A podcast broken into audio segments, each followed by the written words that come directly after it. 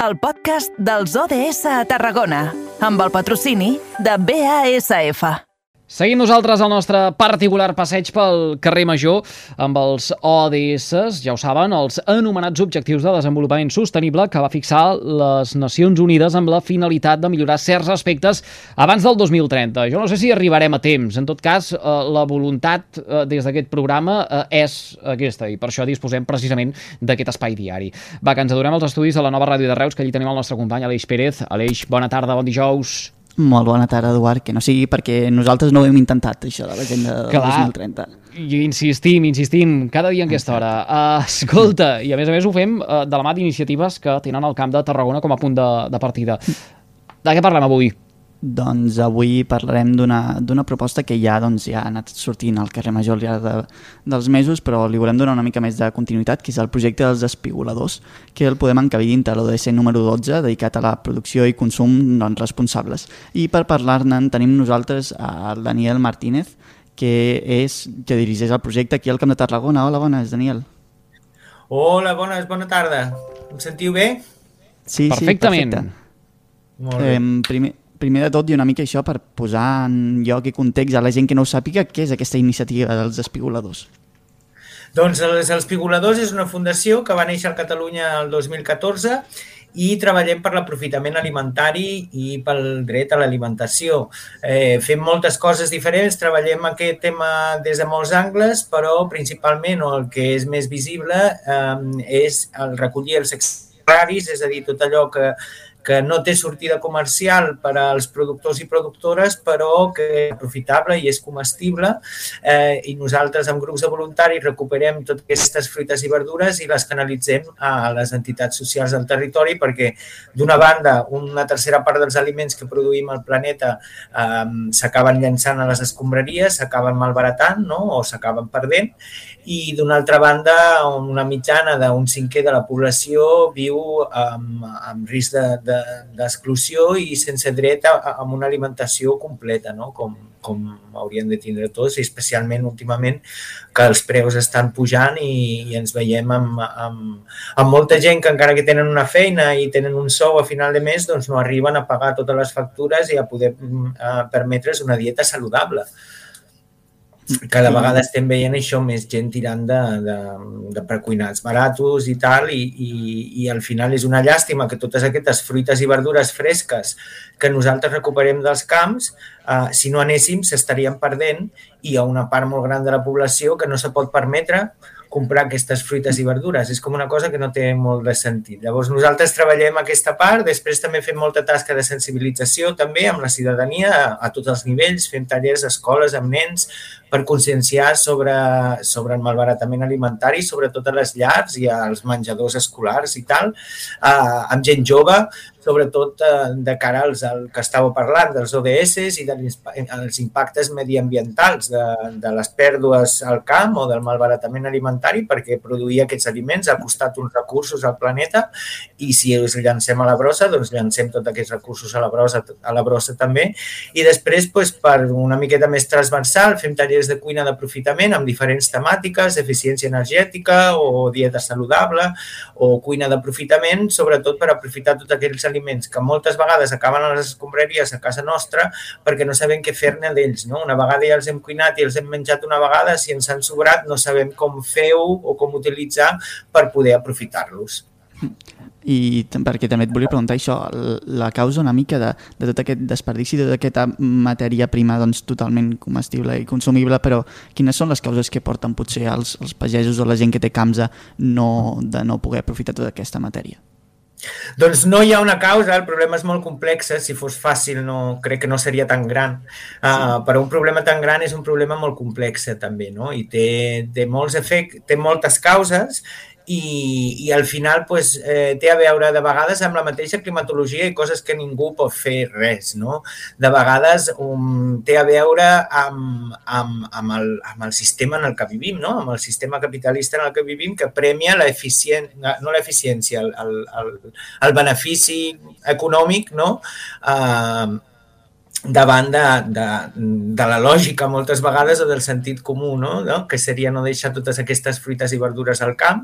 I eh, moltes vegades també el que nosaltres estem veient des d'espigoladors de, des és que també hi ha una manca de connexió no? entre, entre el món dels productors i el món de, de, dels transformadors, on hi ha moltes fruites i verdures que, si bé no es poden vendre com primera línia per estar en un supermercat eh, perquè el, el, el client final els compri, sempre es poden utilitzar doncs, per altres um, per, altre, per altres fins, no? d'alguna manera, que, que hi ha una indústria transformadora poc explorada i es podrien fer moltes més connexions entre això, entre productors i eh, la indústria transformadora, inclús pues, obrir noves línies de negoci no? i per, per, per emprenedors i tal, que es poguessin aprofitar tots, tots aquests elements. Ja no estem parlant només de les fruites i verdures que es queden al camp, sinó moltes vegades al, a la manufacturació i a la preparació dels aliments doncs, es perden parts dels aliments que, que són perfectament comestibles, però perquè no entraven a dins de la safata del supermercat que les vendrà,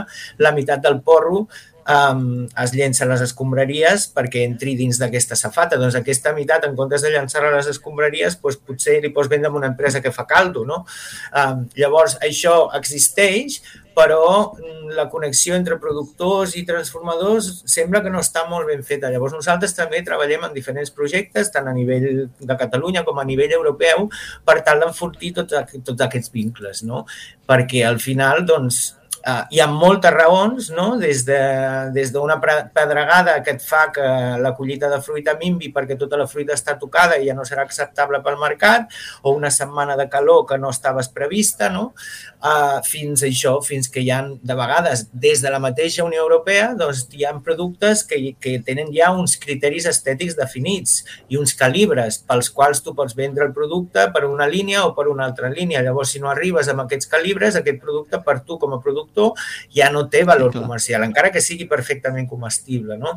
Llavors, um, moltes vegades, encara que estem parlant d'això, de, de pagesia i de productors, uh, la majoria de vegades no té res a veure amb com ho han fet els productors, sinó el mateix sistema on ells estan condemnats a, a, a existir perquè han de vendre el seu producte, doncs que els hi posa tots aquests corsers que, que els hi fa encara molt més difícil la seva feina i desvaloritza realment doncs, tota la feina que ells fan i, i tots els beneficis ecosistèmics que, que, que, que donen a la societat, no? perquè l'agricultura, a més a més de produir el menjar que, es, que, que, que, que ens manté vius a tots, no?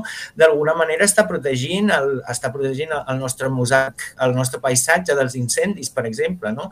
Quants més camps s'estiguin mm. abandonant, doncs més perill d'incendi tindrem. Llavors és com un problema molt complex que té també efectes col·laterals també molt complexes. déu nhi eh? Veiem la feinada que es fa des de, des de espigoladors. Entenc que segons l'època de l'any eh, s'espigola eh, uns camps, uns altres, per donar sortida a tot aquest producte que pot acabar doncs, mal, malmès pel de fora. Exactament. A veure, com nosaltres seguim una miqueta la línia dels, dels, dels productors i de la part del món on estem, no? Perquè doncs sí que hi ha una part de cultius a la nostra zona que realment no són els propis nostres eh, i que són empreses estrangeres que, o, o empreses d'aquí que estan venent fora, no? són productes que no estem acostumats, però la norma general és que nosaltres plantem eh, producte de temporada que que, que, que la nostra climatologia en teoria ens ha d'acompanyar, el que passa que portem aquesta sequera que ens està complicant molt la vida a tots, però, però en teoria doncs això, durant la primavera s'haurien de plantar uns productes, durant la tardor s'haurien de plantar altres, nosaltres a vegades tenim molt pics de feina perquè s'estan acabant unes campanyes i comencen unes altres i de sobte doncs, tenim uns panons de feina que, que mm, no sé si el, us fixeu que hi ha èpoques de l'any que quan passeu per les carreteres normalment els camps de cultiu estan tots llaurats i estan descansant o esperant pues, pues que creixi el que acaben de plantar i tal. Llavors hi ha èpoques com ara mateix que tenim uh, moltíssima feina i de fet pues, com tenim els recursos que tenim hem de, hem de dir que no a alguns productors perquè no, no donem abast no? i èpoques doncs, que, que, que, que per sort s'aprofiten més les, més les coses, però també hi ha menys cultius. Sí, perquè una mica també entenent tot aquest context i tot això que has estat comentant també, quin paper tenen els voluntaris, no sé, fin, al final també si depèn molt la massa o, o els camps que es poden arribar a cobrir a partir dels, dels voluntaris o quin paper hi tenen. Home, els voluntaris són essencials per mantenir el que nosaltres fem, l'activitat de l'espigolament la fan eh, grups de voluntaris i voluntàries que d'alguna manera nosaltres utilitzem aquest model de voluntariat eh, per, per, per poder fer la feina, no? per, per, són gent compromesa amb el, amb, amb, i sensibilitzada amb els temes que nosaltres treballem i preocupada no, per la situació, perquè quan més espigolen més se n'adonen que la situació està bastant malament, eh, però d'una altra manera ells són ciutadans i són consumidors finals dels productes no? I, i és una manera també de sensibilitzar directament a, a, a la gent, no? de, de, de fer veure, veure què, què està passant, perquè al final és el que nosaltres diem, no? El problema del malbaratament és molt gran i, i tots som responsables. Òbviament, la Coca-Cola, que és l'empresa que més plàstic produeix del món, té més culpa, no? Potser que, que, que, que nosaltres a casa nostra, però al final, si tu ets un productor o productora que saps que un camp, um, per la raó que sigui, uns espinacs que t'han crescut massa ràpid i has de continuar collint la següent partida, um, um, ens truques a nosaltres, no? ens organitzem i amb els voluntaris i voluntàries anem als camps recollint el que podem, no? de vegades ho podem fer tot sí. perquè tenim un grup gran de voluntaris, de vegades no podem fer tot perquè en certes àrees, àrees és una miqueta més complicat fer grups grans de, de voluntariat i amb els preus que està la gasolina doncs la gent també de vegades s'ho pensa una miqueta, no? Nosaltres ajudem, sí. intentem ajuntar gent als cotxes també perquè no, per no gastar tanta benzina per arribar als puestos i per no arribar amb tants de cotxes als, als camps de cultiu. Però, però si tu estàs a casa teva no? i al final acabes malbaratant o llançant a les escombraries eh, un menjar, eh, no tens un espigolador a qui pots trucar perquè vingui a remenar amb el teu cubell d'escombraries per salvar això. Llavors nosaltres el que diem és que tots som part del problema, cadascú mm -hmm. al seu nivell, però tots també podem fer part de la solució. Llavors, al final, tots ho hem fet. Anar al supermercat, veure aquelles patates i treure les grosses i boniques perquè les pelarem més fàcil i deixar les lletges allà, no? Això ho fem tots. Al final, el botiguer què farà? Li dirà al productor, escolta, la propera caixa de patates que m'han vist, que només siguin grans i boniques, no? I al final, el productor què fa amb les petites? No? Se les ha de quedar. Llavors, al final, no és que nosaltres, a casa nostra, tinguem la culpa del terç d'aliments que es llencen a les escombraries, és una part molt petita petita, però nosaltres també podem fer alguna cosa a casa nostra per fer això. I moltes vegades, si ho vius, no? si vius l'experiència com a voluntari o voluntària de que en 3 hores ens carreguem 2.000 quilos de pomes que, que t'ha dit el productor que ja les pot treure totes perquè no, no en faran res més, no? et fa pensar un parell de vegades si, si, si vivim en un sistema lògic o no, no?